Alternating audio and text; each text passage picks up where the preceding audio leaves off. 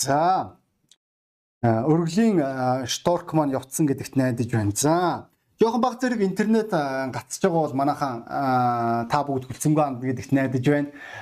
Бид нэр яа харахгүй номлолоо гүйцэд бичих хэрэгтэй байгаад байгаа учраас энэ зүйлсэд та ойлгон хандна гэдэгт найдаж байна. За тэгээ бүгдээ хамтдаа Лук номын 7 дугаар бүлгийг нээцгээе. Лук ном. Бүгдээ Библи нээцгээе. Лук номын 7 дугаар бүлэг бүгдөө 36-аас 50 дугаар ишлэл рүү анхаарлаа хандуулах болно. 36-аас. Фарисеучүүдийн нэг нь хамт зоог барихыг түүнээс хүсчээ. Есүс тэр фарисеин герт орж тухлан суув. Үзэг түнтэр хотод нэгэн нүгэлт эмэгтэй байжээ. Есүсийг фарисей хүний э, герт тухлан байгааг тэр эмэгтэй дуулаад гөлтгөнэн савтай үнэт дос авчирж түүний хөлд ард талд нь зогсоод уйлж нулимсаараа хөлийг нь норгож үсээрэн арчаад хөлийг нь үнсэж үнэт досороо тослов. Есүсийг урьсан фарисей үүнийг хараад энэ хүн Э, энэ хэрвээ иш үзүүлэгч мөн юм бол түүнд гар хүрч буй энэ нэмэгтэй э, хэн болохыг түүнийг нүгэлтэн гэдгийг нь мэдэх учиртайсан хэмээн бодсонд Есүс хариуд нь Симоно надад чамд хэлэх юм байна гэв. Тэгтэл Симон багшаа түүнийг хэлээч гэжээ. Нэгэн мөнгө зээлдүүлэгчд хоёр хүн өртөө байжээ. Нэг нь 500 нөгөө нь 50 динарын өртөө байв. Тэд төлөх чадваргүй тул тэр тэднийг хоёуланг нь өрнөөс нь хэлтэрүүлжээ. Тэгвэл тэдний нь түүнийг илүү хайрлах бол гэхэд Симон илүү өгөөмрөөр хэлтэрүүлэгдсэн хүн нь гэж би бодож байна гэсэн Иесус түнд чи зөв шүлээ гэдэг тэр эмэгтэй рүү эргэж Симонд чи энэ эмэгтэйг харж байна уу? Намайг гэрт чинь орж ирэхэд чи надад хөл угаах ус ч өгөөгүй. Харин энэ эмэгтэй хөлийг минь нулимсаараа норгоод үсээр ангирчлаа. Чи намайг үнсээгүй. Харин энэ эмэгтэй намайг орж ирснээс хойш хөлийг минь үнсээр байна. Чи толгойг минь ч досоор дослоогүй тэр харин үнэт досоор хөлийг минь гэмэн дослов. Тиймээс би чамд хэлье. Түүний олон нүгэл уучлагдсан. Учир нь тэр их хайрлсан. Харин багхан уучлагдсан баг хайрладаг гэдэг эмэгтэйд нүгэлч нь уучлагдлаа гэв. Түүний хамт тухлан сууж байсан хүмүүс хоорондоо нүглүүдийг хүртэл уучладаг энэ хэн хэн гээч вэ гэлцлээ. Есүс тэр эмэгтэйд хандаж итгэлчин чамайг авралаа. Амар тайван явдаа гэж альдваа гэж хэлж байгаа. Энэ их маш сонирхолтой түүх гэдгийг та бүгд мэдж байгаа болов. Яг яг харахгүй үнэхээр энэ түүхийг уншингууд өөр ирэхгүй зүрх догтлон тийм үнэхээр гайхалтай энэ эмэгтэй маань тэр гэрлүү нүгэлтэнгээр ороод өршөөгдөн уучлагдсан зүвт нэгнэр тэр гэрээс гарч явсан байгаа даа. Энэ зүйлдээ зүйлийг альва сүмман хийх ёстой гэдгийг та бүгд ойлгож байгаа болов. Бид нэр бурхны өмнө нүгэлтэй. Тэгвэл бид нэр бурхан дээр хурж бид нэр сүм рүү ороод бид нэр уучлагдаад сүмээс гарах ёстой гэдэг. Таанч харамсалтай. Тэр болгон сүм рүү ороод хүмүүсээ уучлагддаг. Яг юуны улмаас вэ? Яагаад вэ? Харж уу бид нэр энэ чи Есүс цуглаан дээр байгаа. Аа гэхдээ Есүст хандж байгаа тэр хандлаган дээр асуудал байгаа гэдгийг та энэ ишлээс ажигласан болов. Тэгвэл гонигтай зүйл нь яг юунд оршдог вэ? Олон сүмүүдэд өнөөдөр Есүс байхгүй байгаа олон сүмүүдэд бизнес байгаа. Янз бүрийн авхаалчтай, самбаатай, зөв боловсон харилцаатай бие зөв авч явдаг зөв хувцастай зөв төрхтэй олон хүмүүс байгаа. Магадгүй үнэхээр тэд нар өмнө нь аимшигтай нүгэлтэн байсан бурхан тэдний нүглийг уучлсан. Одоо тэгтээ тийм юм байхгүй. Тэд нар аль хэдийн мартсан. Тэд нар мундаг агаа нар мундаг эгч нар. Тэд нар өөрийн гэсэн хувийн бизнестэй бүр сүмдэн түүний бизнестэй хөдөлмөрлөдөг ажилдаг хүмүүс байгаа даа. Гэхдээ энэ болгоны цаана бурхны ариун сүнс байхгүй тэр сүмүүдэд номлогч нар маань ээлж дараасан үхлийн номлуудаа номлосоор байгаа онлоо ярьсаар байгаа. Ойлгож гинөө номлогч хүний хувьд их мэдлгүй байна гэдэг бол энэ маань үхэлтэй тэнцэг ойлголтуудын нэг. Номлогч хүн хүний хувьд аа номлчлоо гэдэг энэ баярлууштай зүйл ерөөсөө биш. Эсвэл номлогч хүний хувьд библийн мэдлэгийг мэдчихлээ гэдэг. Энэ бол нэг өршөөр баярлуудаа баярлуулаад ах нэг зүйл ерөөсөө биш номлогч хүн Есүстэй ижилхэн эрх мэдэлтэй байх ёстой. Тэр хүний үг хоёр талдаа хурц илдэмэт хүний зүр сэтгэлөө нэг сүлбэх ёстой болов. Тэр энэ зүйлийг өнөөдөр номлогч нар маань хийж чадахгүй бол тэр номлогч гонигтай номлогч. Тэгвэл яг л үүнтэй ижилхэн хэрвээ сүмд Есүс Христ байхгүй бол тэр сүм юу ч хийсэн ямар ч зохион байгуулалттай менежменттэй үйл ажиллагаа явуулсан ямар ч мундаг стратегиэр алхам хийсэн гэсэн хэрвээ Есүс байхгүй тэр хүмүүсийн дунд Израильчууд маань амлагдсан газар руу өөрсдийн хүчээр орох гэж оролцсонтой л ижилхэн төг болох болов. Моисе тэр ард түмэнд хандаад хэлж байгаа бүү явцгаа. Учир нь та нарын дунд эзэн байхгүй байна. Өнөөдөр найз минь бид нэр Есүстэй цуглаан байх ёстой. Есүс бидний бидний цуглааны тэргүүн хിവэрэ байх ёстой болов. Бид нэр эргэтэнгүүд нь гэдгийг та бүгд ойлгож байгаа байх. Тэгвэл энэ цуглаанд бид нар юу олж харах байгүй л яахааргүй Есүс цуглаанд байна. Ихтэй нэг асуудал байна. Бидний хандлага харж байна бидний э, ишлээс Симон лавта Есүсийг бурхан гэж бодохгүйсэн маргаангүй. Тэгвэл гунигтай нь яг энэ нэг юм шашинлаг дадалтай өнөөдөр орчин үеийн итгэгч нар маань суралцж байна. Тэр хүмүүс маань бурханд хайртай гэж хэлж байгаа боловч олиггүй төр төрхтэй нэгэн цуглаан руу хурж ирэх тэр мөчөд тэр хүмүүс аль хэдийн тэр хүний талаар олиггүй бодлуудаа бодсон хэврээд байгаа. Ойлгож байна. Би өнөө өглөө тэр фарисе хэрвээ ямар нэгэн багшийг үрэх юм бол тэр герт хинч орох эрхтэй гэж би хэлж ирсэн.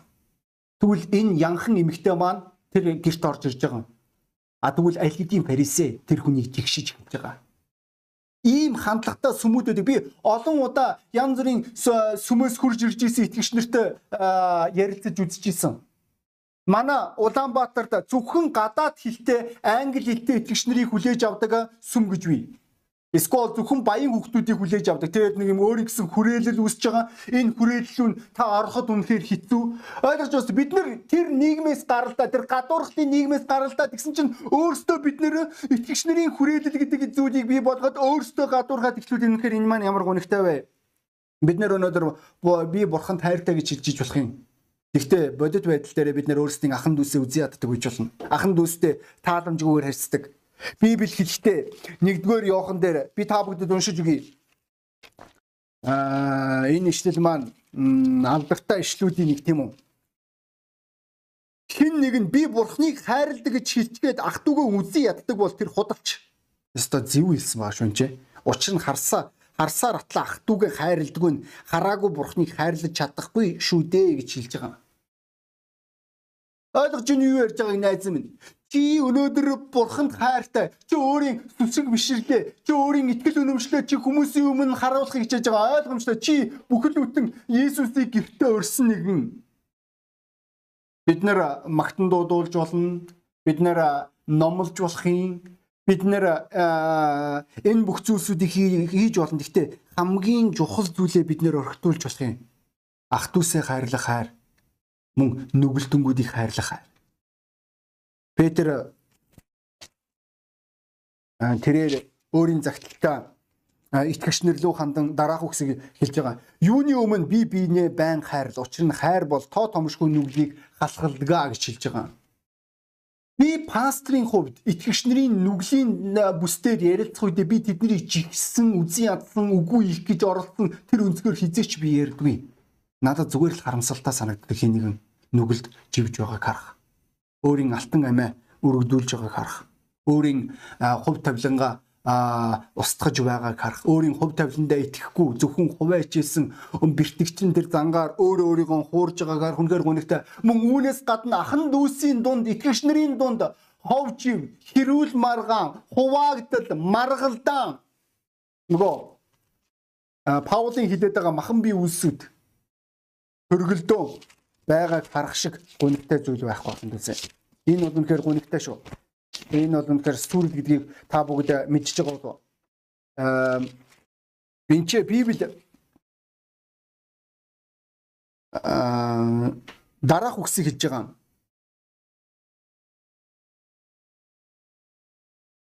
Аа би та бүгдэд уншиж өгье бас мөн өршөөгөөрэй. Аа та нарт унших боломжийг олохгүй байгаа дагуулаа Энд чи энэ хэсгээр хэлэхдээ та нарын дунд дайсагнал, маргаан, хардалт, уур хилэн, харгалдаан, хагарал, тэрс үзэл, атааргал энэ бүх зүйлсүүд байгаад байгаа бол ямар гонигтай вэ? Ойлгож ийн юу ярьж байгааг найз минь. Чи сүмд явж ийн гэж хэлж байна. Чиний сүмд Есүс байгаа. Гэхдээ чи өөрөө Есүсээс дэндүү хол.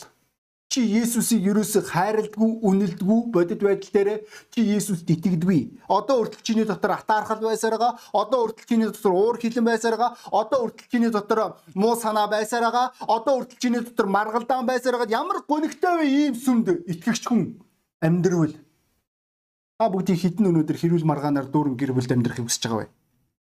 Хуваагдлаар дүүрэн энэ хүмүүс Христэд итгэх итгэлийн амьдралын жинхэнэ мөн чанарыг ойлгодгүй. Яах гэж Есүс Христ загалмаа дээр үгснийг ойлгодгүй. Яах гэж дахин амьсныг ойлгодгүй. Тэдний хувьд тань хүмүүс муу хүмүүс гэж байгаа одоо хүртэл бид нар тэгтээ өөрсдөө ямар байдлаас аврагдсангаа тэд нар сандгүй. Тэд нар хиндэж туслахгүй болов зөвхөн өөрөө өөрийгөө бодно. Итгэгч найз би чамаас асуумаар байна. Энэ карантины энэ сая өнгөрсөн энэ 7 хоногийн хугацаанд чи бусдын төлөө яг юу хийсэн бэ? Чи өөрийн хамаатан садангийнхаа төлөө яг юу хийсэн бэ? Чи тэднийг аврагдахын төлөө залбирж байгаа гэж хэлж байгаа. Чи тэднийг аврагдаасаа гэж хүсэж байгаа. Яг чи тэднэрт яг юу хийсэн бэ? Чи тэднэр лөө наацхан залгасан уу? За гэртээ хоригдож байгаа гэж авч үзэхэд. Чи тэдний төлөө чиний зүрх чи яг яаж зохиосон бэ? Библиэлд Матай номон дээр гараах түүхөө өгүүлэгдэж байгаа. Матай номын 25 дугаар бүлэг дээр 41-ээс 45 дугаар ишлэлдэр Библи хэлэхдээ Тэгээд тэр зүүн тал байгстатай хандан хараагдагста надаас зайл диавол болоод түүний тэнгэр элч нартай бэлтгэсэн мөнх гал галд ор. Учир нь та нар өсөж байхад минь идэх юм өгөөгүй, цангаж байхад минь уух юм өгөөгүй, харь хүн байхад минь урьж оруулаагүй, нүцгэн байхад минь хувцлаагүй, өвчтөө байх ба шоронд байхад минь намайг эргээгүй гэж хэлнэ. Тэд мөн адил эзэн хизээ бид таныг өлсөж цангаж харь хүн хүн нүцгэн өвчтөө шоронд байхыг тань хараад танд үйлчлээгүй юм бэ гэх болно. Тэр хариуд нь үннээр би та нарт хэлье. Та нар эдгээрийн дорд нэгэнд ийн үйлдээгүй бол надад ч үйлдээгүй хэрэг гэж хэлнэ гэж хэлж байгаа. Ойлгож ийн юу ярьж байгааг найз минь. Бид нэр өнөөдөр шашнаар амьдрах хэрэггүй. Бид нэр Христийн шашнаар амьдрах хэрэггүй Бид нэр өнөөдөр Христэд итгэлээр амьдрах хэрэгтэй байна найснараа.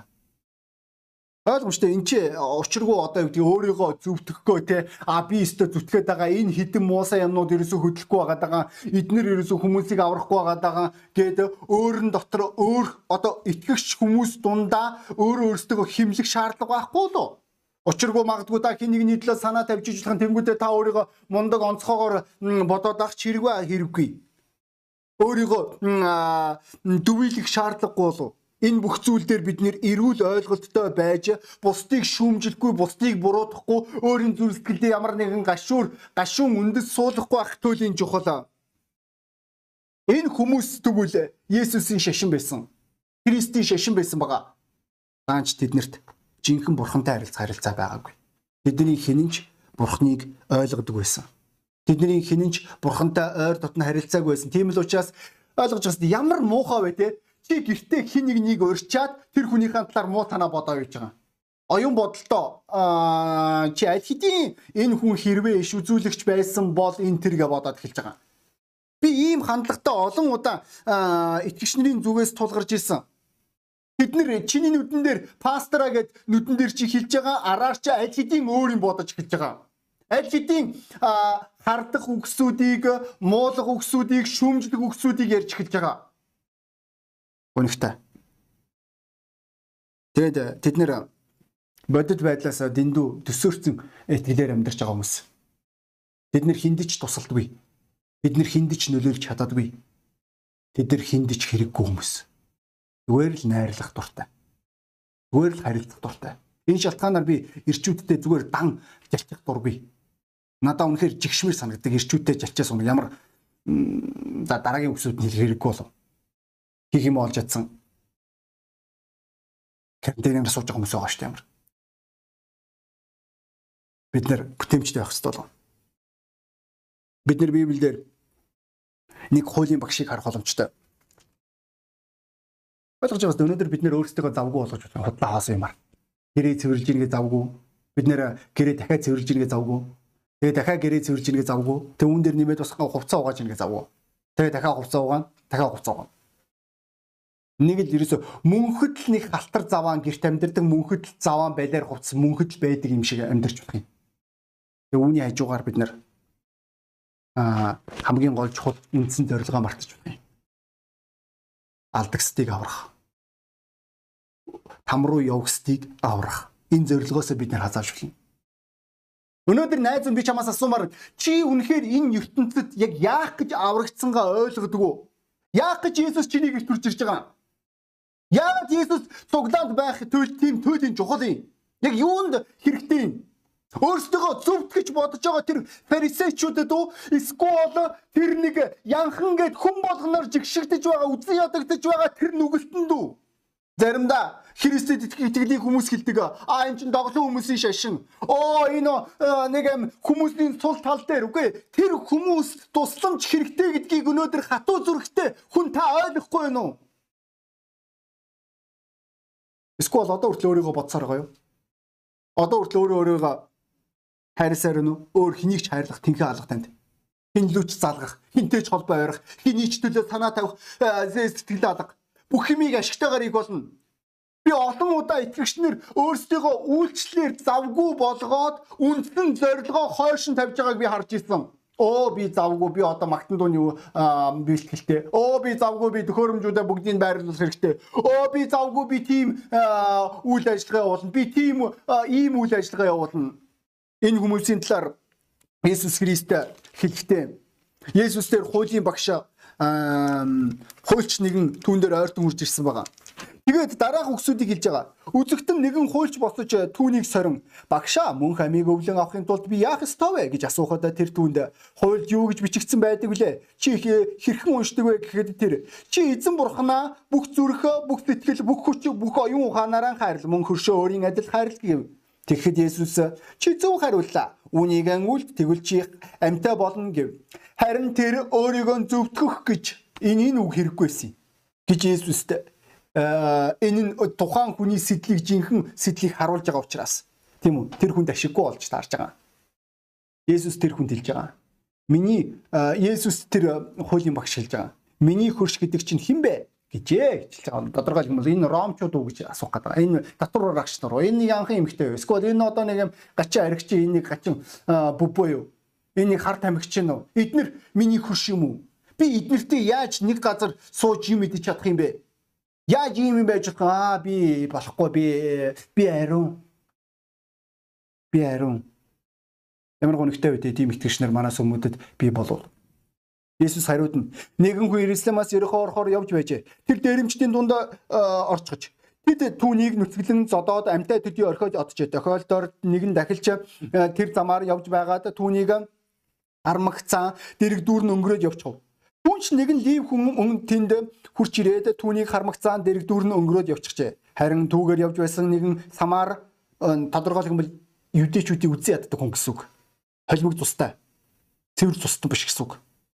Э, харин түүгээр явж байсан нэгэн самар хүн түүндээ таарчээ. Тэр түүнийг хараад өрөвдөн түүн дээр ирж шарханд нь дос дарс асгаж боогоод унаан дээрээ дэгнэн дэм буудалд хүргэж ирэв. Тэгээд түүнийг асарчээ. Маргааш нь тэр 2 динар авч буудлын эзэндээ өгөөд түүнийг асарж байгаарай. Би илүү зарвалаа би буцахтаа танд дахин төлөе гэжээ.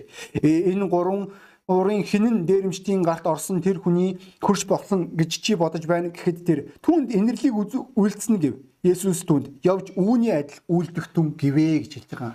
Тодорхой хэлэх юм бол өнөөдөр найз минь чи өнөөдөр Есүсээр шоудаад авах хэрэггүй.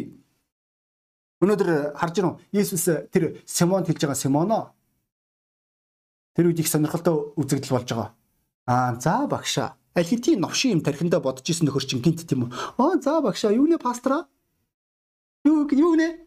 Номлоод пастора номлоод номлоод Ямар семинар хэрэгтэй гинэ? Аа семинар би ойлгож байна. Энэ нэг юм итгэгч нарын шизофрен. Тэд нэр номлоор байнга цангаж идэг. Номлоо сонсогчтой, номлоо сонсогчтой, номлогч нарыг сонсогчтой. Тэд нэр хамгийн шилдэг номлогч нарыг ирж яадаг, хамгийн шилдэг номлыг ирж яадаг. Тэднэрт байнгын байдлаар семинар хэрэгтэй. Тэдний тэдний хинэнч энэ семинарыг өөрийн амьдралдаа хэрэгжүүлэх бодол байхгүй. Ойлгож уу? Энэ фарисей Тимон маань зүгээр л хэлж байгаа. Зүгээр үгийг үгийн төдий хэлж байгаа. А за багшаа. Яг л үүнтэй ижилхэн хүмүүсийг заримдаа би сүмүүдэд хардаг. За пастор юу нэ? Аа за пастор ойлголоо пастор. Баярлаа пастор. Оо тэгэлгүй яах вэ пастор? Пастор Энэ семинар байгаа мó эх 7 хоногт ямар ямар семинарууд байна. Яг нэг юм цуглуулагч агтай тэр нөхдүүд. Тэгвэл Библи юу гэж хэлж байгаа вэ? Яаков ном дээр үгийг зүгээр нэг сонсогч нар биш харин хэрэгжүүлэгч нар байцгаа гэж хэлж байгаа. Тэгвэл өнөөдөр итгэгч найзан би чамаас асуумаар чи үгийг хэрэгжүүлж чаддаггүй. Чи яг ямар Библийн үгсийг өөрийн амьдралдаа хэрэгжүүлсэн бэ? ойлгомжтой өөртөө бол угаасаа болж итэ өрөөлт. Харж байна бидний нэшлэлээр энэ Симон энэ блокер маань э, энэ блок хөдөлдөг нөхөр маань хам тухайн үед хамгийн алдартай Иесусыг өөрийн блогтоо өрсөн байгаа даа. Орчин үеэр би одоо бидний хэллэгээр авч үзэх юм бол. Тэгээд тэрээр энэ энэ блогийг хөтлөж байгаа. Тэгээд энэ Иесусээс хамгийн алдартай Иесус гэдэг номлогчоос тэрээр магадгүй хамгийн шилдэг асуултуудыг асууж байгаа. Гэхдээ яах гэж? Өнөөдөр та зөвхөн Иесусээр гангарах гэж итгэх юм уу? Эсвэл Иесуст үнэхээр та итгэж Иесусыг үнэхээр хайрладаг.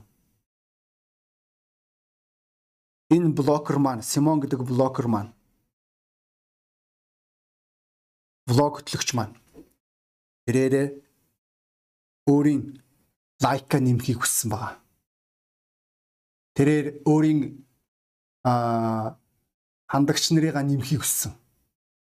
Гэхдээ тэд энэ хүн хизээч Есүсийг сонирхоогүй. Есүст итгэхийг ч бодоогүй. Түүний хувьд тэрээр өөрөө зөвхт байсан баг өөрийн нүдний өмнө. Тэгвэл ийм хүмүүс хизээч бурхны өмнө уучлагдахгүй гэдгийг ахан дүүсээ та нар мэдхүү. Өнөөдөр та өөрийн нүдний өмнө хэн бэ? Өнөөдрийн маань чухал бол тэр нүгэлтэд ивэр үлдсэн. Тэр эмэгтэй уучлагдсан. Нөгөө нэг ад үзэдээс эмэгтэй шүү. Нөгөө нэг муу нэртэй байсан эмэгтэй тэрээр бурхны өмнө уучлагдсан. Энэ л түүхийг бид нэр мөн Лук номон дээр харж болно. Би та бүгдэд уншиж өгье. Өөрсдийгөө зөвхт хэмээн өөрсдөдөө итгэдэг бусдыг басамжлагч хэсэг хүмүүст хандан энэ сургаалт сүрлийг айлдав. Хоёр хүн залбирахаар сүмд оржээ. Нэг нь фарисей нөгөө нь татвар хураагч байж гин. Фарисей хүн зогсоод өөртөө залбирэн бурхан таньдаа би талархъя. Юу гэвэл би бусад хүмүүс шиг залхаа шударгуус давхаа биш ээ. Энэ татвар хураагчч биш. Би 7 хоног одоо 2 удаа мацаг барьж олсон бүгдийнхэн 11-ийг өргөдөг гэв. Харин татвар хураагч зайдуу зогсоод тэнгэрүүд харч зүрхэлгүй харин цээжэд илсэн байж бурхан минь нүгэл тамааг өршөөгөч гэв. Би та нарт хэлье Фарисеин биш. Харин энэ хүн зөвтгөгдөн гэртээ хариу. Учир нь өөрийгөө өргөмжилдэг бүгд номхруулагдаж харин өөрийгөө даруй байлгасад өргөмжлөгдөн гэвэ гэж хэлж байгаа. Энэ гайхалтай түүх бидний хувьд сургамж болов найз минь. Энэ фарисей маань тэрээр өөрийгөө тухайн үед од гэж бодож ирсэн байгаа. Яг яг яг бол тухайн үед хамгийн алдартай хүний гэртээ өрцсөн байсан учраас. Тэрээр хамгийн өгөөмөр, хамгийн хүнлэг, хамгийн шилдэг шилдэг байх байсан болов. Түүний одоо сайт түүний YouTube сувг хамгийн их хандлттай байх боломжтой. Тэглээгээд өнөөдөр тэр хамгийн чухал зүйлээ алдсан гэдгийг та мэдгүй. Тэрээр өөрийн алтан амиа алдсан байгаа. Тэрээр өнөөдөр онд байгаа. Тэгвэл найз минь чи хаана очих вэ? Үхлийн дараа. Чиний ам хаашаа явах вэ? Ойлгож байна уу? Бидний энэ ишлэл дээр байгаа энэ эмгтэн итгэлийн үйлсийг хийхгүй болохгүй болов эцэст нь. Энэ эмгтэй маань яг яаж аврагцгаа ойлгомжтой. Хүн болгон түүнийг гадуурхаж байгаа, хүн болгон түүний дургу байгаа. Сүмийн итгэгчнэр түүнд дургу байгаа гэж боддоо та нар. Сүмийн итгэгчнэр түүнийг харж байгаадаа зэвүүцэж байгаа, зайлсхийж байгаа төгшөөж байгаа. Нэг тийм нөхөр. Яг яг бол энэ эмгтэй чи янхан эмгтэй. Хинч муу нэртэй хүнтэй амьдралаа холбож хажууд нь байхыг хүсэхгүй болов Тэгвэл энэ эмэгтэйн хувьд тухайн зочлолт хамгийн сүүлчийн боломж байсан гэдгийг та мэдгүй. Энэ эмэгтэй маань маш сайн ойлгож ирсэн. Одоо яг юу хийх ёстой вэ? Энэ энэ эмэгтэйн хувьд хамгийн хамгийн сүүлчийн боломж байсан. Би санаж байна. Энэ эмэгтэйн түүхийг харах үед олон жилийн өмнө би сүмээс ухарчаад бурхнаас ухарчаад эргээд хурж ирэхийн өмнө би дарахны нэг сүмд суусан номлол дээр Тухайн үед тэр номлууд үнэхээр мундаг номлууд байсан. Яагаад чи хамгийн одоо яг ихэнд сонссон номлол маань хоёр дахь боломж гэдэг номлол байсан. Би түүнийг би өөрийнхөө Библиэлд арын хуудсан дээр нэг жижигхэн цагаан ингэн цаасан дээр юм бичиж болдог. Энэ цаасан дээр би тэмдэглээ бичижсэн тэр номлыг энийг өрчлөө. Тэгээ тэр Библийг би хүнд бэлгэлсэнгээ би одоо санахгүй байна. Би маш олон хүмүүст Библийг бэлгэлж исэн. Тэгвэл тэр ямар чухал боломж байсаг би санаж байна. Тэгвэл энэ эмгтэй ч гэсэн яг энэ ойлголтыг ойлгож исэн болов. Түүний хувьд аврал нь чухал байсан. Өнөөдөр олон хүмүүс өөрийн авралаа үнэлдэггүй. Олон хүмүүс байх ёстой юм шиг ханддаг. Олон хүмүүс тэд нэр өөрсдөө мундаг ойлгож байгаа. Бурхан дотор аврагдсан одоо ингээд тэд нэр мундаг шилдэгий шилдэг гэж ойлгодог байгаа. Яг л энэ фарисей Симонтой ижилхэн. Тэгвэл ийм хандлага маань тэд нарыг аврахгүй гэдгийг ойлгож байгаа болов.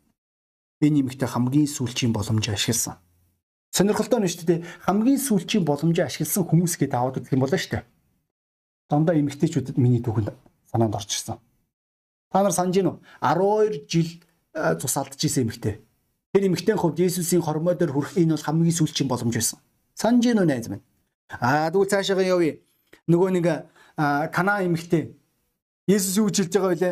Аа хүүхдүүдийнхаа далахыг нохотод өгөх зохисгүйгээ бүр түүний доромжилж байгаа шүү дээ. Гэхдээ тэр эмэгтэй хэлж байгаа вэ? Нохот хүртэл далахны өвдөл сүвдлээр хоололдсон шүү дээ гэд тэр эмэгтэй хүртэл ойлгож ирсэн. Энэ нь тэр охиных нь хувьд хамгийн сүүлчийн боломж. Бүр бид нар янхан эмэгтэй Рахабыг ч санаж болно. Тэр эмэгтэй маань хоттоо Ерихонд алдар цуугаараа муу алдраараа алдаршсан эмэгтэй тэрээр хамгийн сүүлчийн боломжийг тэр улаан утсыг өнжүүлэхээр ашигласан гэдгийг та мэдв. Энэ боломжийн хамгийн сүүлчийн энэ боломжийг ашиглах энэ ойлголт энэ юу гэсэн үг вэ? Найз минь ойлго. Чи маргааш үхэж болно. Чи маргааш чиний амь үгүй болно. Тэгвэл чи өөрийн үр хөвгтдээ яг одоо юу үлдээх вэ? Өнөөдөр чиний итгэлийн амьдрал яг ямар байгаа вэ? Чиний Есүстэй харилцах харилцаа яг ямар байгаа? Магадгүй чи Есүсийг яг одоо чи Есүсийг өөрийн оюун бодолтой урьж байгаа номлол сонсснороо Гэхдээ чи Есүсийг мэдхгүй. Есүстэй харилцаа байхгүй. Чиний хувьд нөгөө нэг багш тэр үнэхээр энэ шүзүүлэгч байсан бол гэдэг үгсүүдийг чи хэлэхэд бэлэн байгаа. Тэгвэл энэ эмэгтэй тийм ш. Энэ эмэгтэй итгэлийн үлс золиос ойлгож байгаа. Чи зүгээр нэг би итгэж ийн гэж ярих нэг хэрэг. Харин итгэлийнхаа төлөө золиос төлнө гэдэг бол өөр ойлголт байгаа. Тэгвэл энэ эмэгтэй маань тэгж чадсан. Тэрээр цэвэр наардын тос буюу асар үнэтэй тосыг тэрээр золиослсон. Яагаад ингэвэ?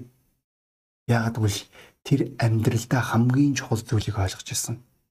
Хүнд аврал чухал. Хүн энэ ертөнцийн шалтан ирсэн. Шалтан буцсан. Сая хүртэл манай итгэгч нарын нэг итгэгчдийн маань нэгийнх нь ээж нөмрлөө Энэ үнхээр харамсалтай ойлголт гэдгийг би ойлгож байна. Би э, жилийн өмнө 2 жилийн өмнө миний төрсэн ээж хүртэл өнгөрч байсан. Гэтэ миний ээж өнөөдөр яваачнд байгаа. Миний ээж амьдралдаа хичнээн зовж байсан ч гэсэн амьдралдаа амьдрал түнтэй хитрхи харгас хандсан ч гэсэн энэ дүнд бурхан түүнийг аварч чадсан. Өнөөдөр энэ ойлголт найз минь чамд энэ ариун ойлголт чамд байна уу? Хамгийн чухал зүйл бол аврал. Энэ нэмэгтэй маань тэр гэрээс авах ёстой юм аваад гарч байгаа. Тэгвэл өнөөдөр найз минь чиний талаар хэлээ. Хүн болгон толгоо удаалгаад нүдэнэсэ гэж хүсэж байна. Хүн болгон толгоо удаалгаад нүдэ хандсан байгаа үед магадгүй та энэ номлыг анхудаа сонсч иж болох юм. Та аврагдаагүй. Танд аврал хэрэгтэй гэдгийг та маш сайн ойлгож байгаа. Та хизээч бурхнаар өөрчлөгдөж байгаагүй. Та нүгэлтэн гэдгийг мэднэ. Тэгвэл энэ өрөө би танд хамгийн гайхалтай зүйлийг санал болгож байна. Бурхны үнэгүй уучлал. Танд үнэгүй үнэн. Гэхдээ Бурхны хувьд үнэтэй байсан шүү. Тэрээр өөрийн цорын ганц хүүгийнхаа тусаар амиар таны нүглийн төлөөсийг төлсөн. Хэрвээ та түүнийг өөрийн зүрх сэтгэлдээ хүлээн авч Есүсийг аврагчаар хүлээн аван та Есүсийн нэрээр Бурханаас нүглийнхаа төлөө чин сэтгэлээсээ уучлалт гуйвал Бурхан таны нүглийг уучлахаас гадна Тэрээр таны амьдралд туслах болно. Энэ л тусламж, энэ л ерөөл таны амьдралд хэрэгтэй байгаа бол яг одоо чин сэтгэлээсээ та түүндүү хандаад залбир. Есүсийн нэрээр залбираарай найз минь. Бурхан таны нүглийг өөрчлөх болно. Бид нэр хөвчлэн залбирлынхаа төгсгөлд амен гэж хэлдэг. Амен гэдэг маань болтгой гэсэн үг. Би энэ үгнийхэн эзэн. Тэгвэл хэрвээ та яг одоо энэ мөчид чин сэтгэлээсээ залбирвал бурхан таны нүглийг хүчтэй. Тэгээд танд шинэ амьдралаа эхлэх шинэ боломжийг олох болно. Та үнийг ойлгоно уучлах зүггүй гэдгээ. Би 16 жилийн өмнө үнийг ойлгосон. Бурхан чиний нүглийн ачааг аваад танд туслахыг хүсэж байна.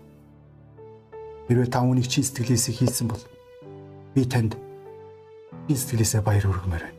Яагаад гэвэл та амьдралдаа хамгийн хийж бол хамгийн чухал шийдвэрийг гаргалаа. Энэ нь магадгүй таны хувьд хамгийн эцсийн боломж байсан байж болох юм. Та хэрвээ одоо өхвөл би таныг үхэх гэж хэлж байгаа юм биш шүү. Мөнх наслах болтгоо. Үнэхээр би таныг урт наслаасаа гэж хүсэж байна. Бид нэр амиа хорлолтод итгэдэггүй. Библи үүний эсрэг байдаг. Гэхдээ хэрвээ та өнөө шин хэрэг өглөөхэд явж болно. Та там биштэй waaj нач. Учир нь бурхан миний нүглийг уучлсан учраас та чин сэтгэлээсээ уучлахгүйсэн учраас тэгээд та түүнийг таньж мэдэх хэрэгтэй. Итгэдэг нэгнээ мэдхгүйгээр амьдрах хэцүү байдаг. Үүний тулд биднэрт Библи байгаа. Үүний тулд сүм бий.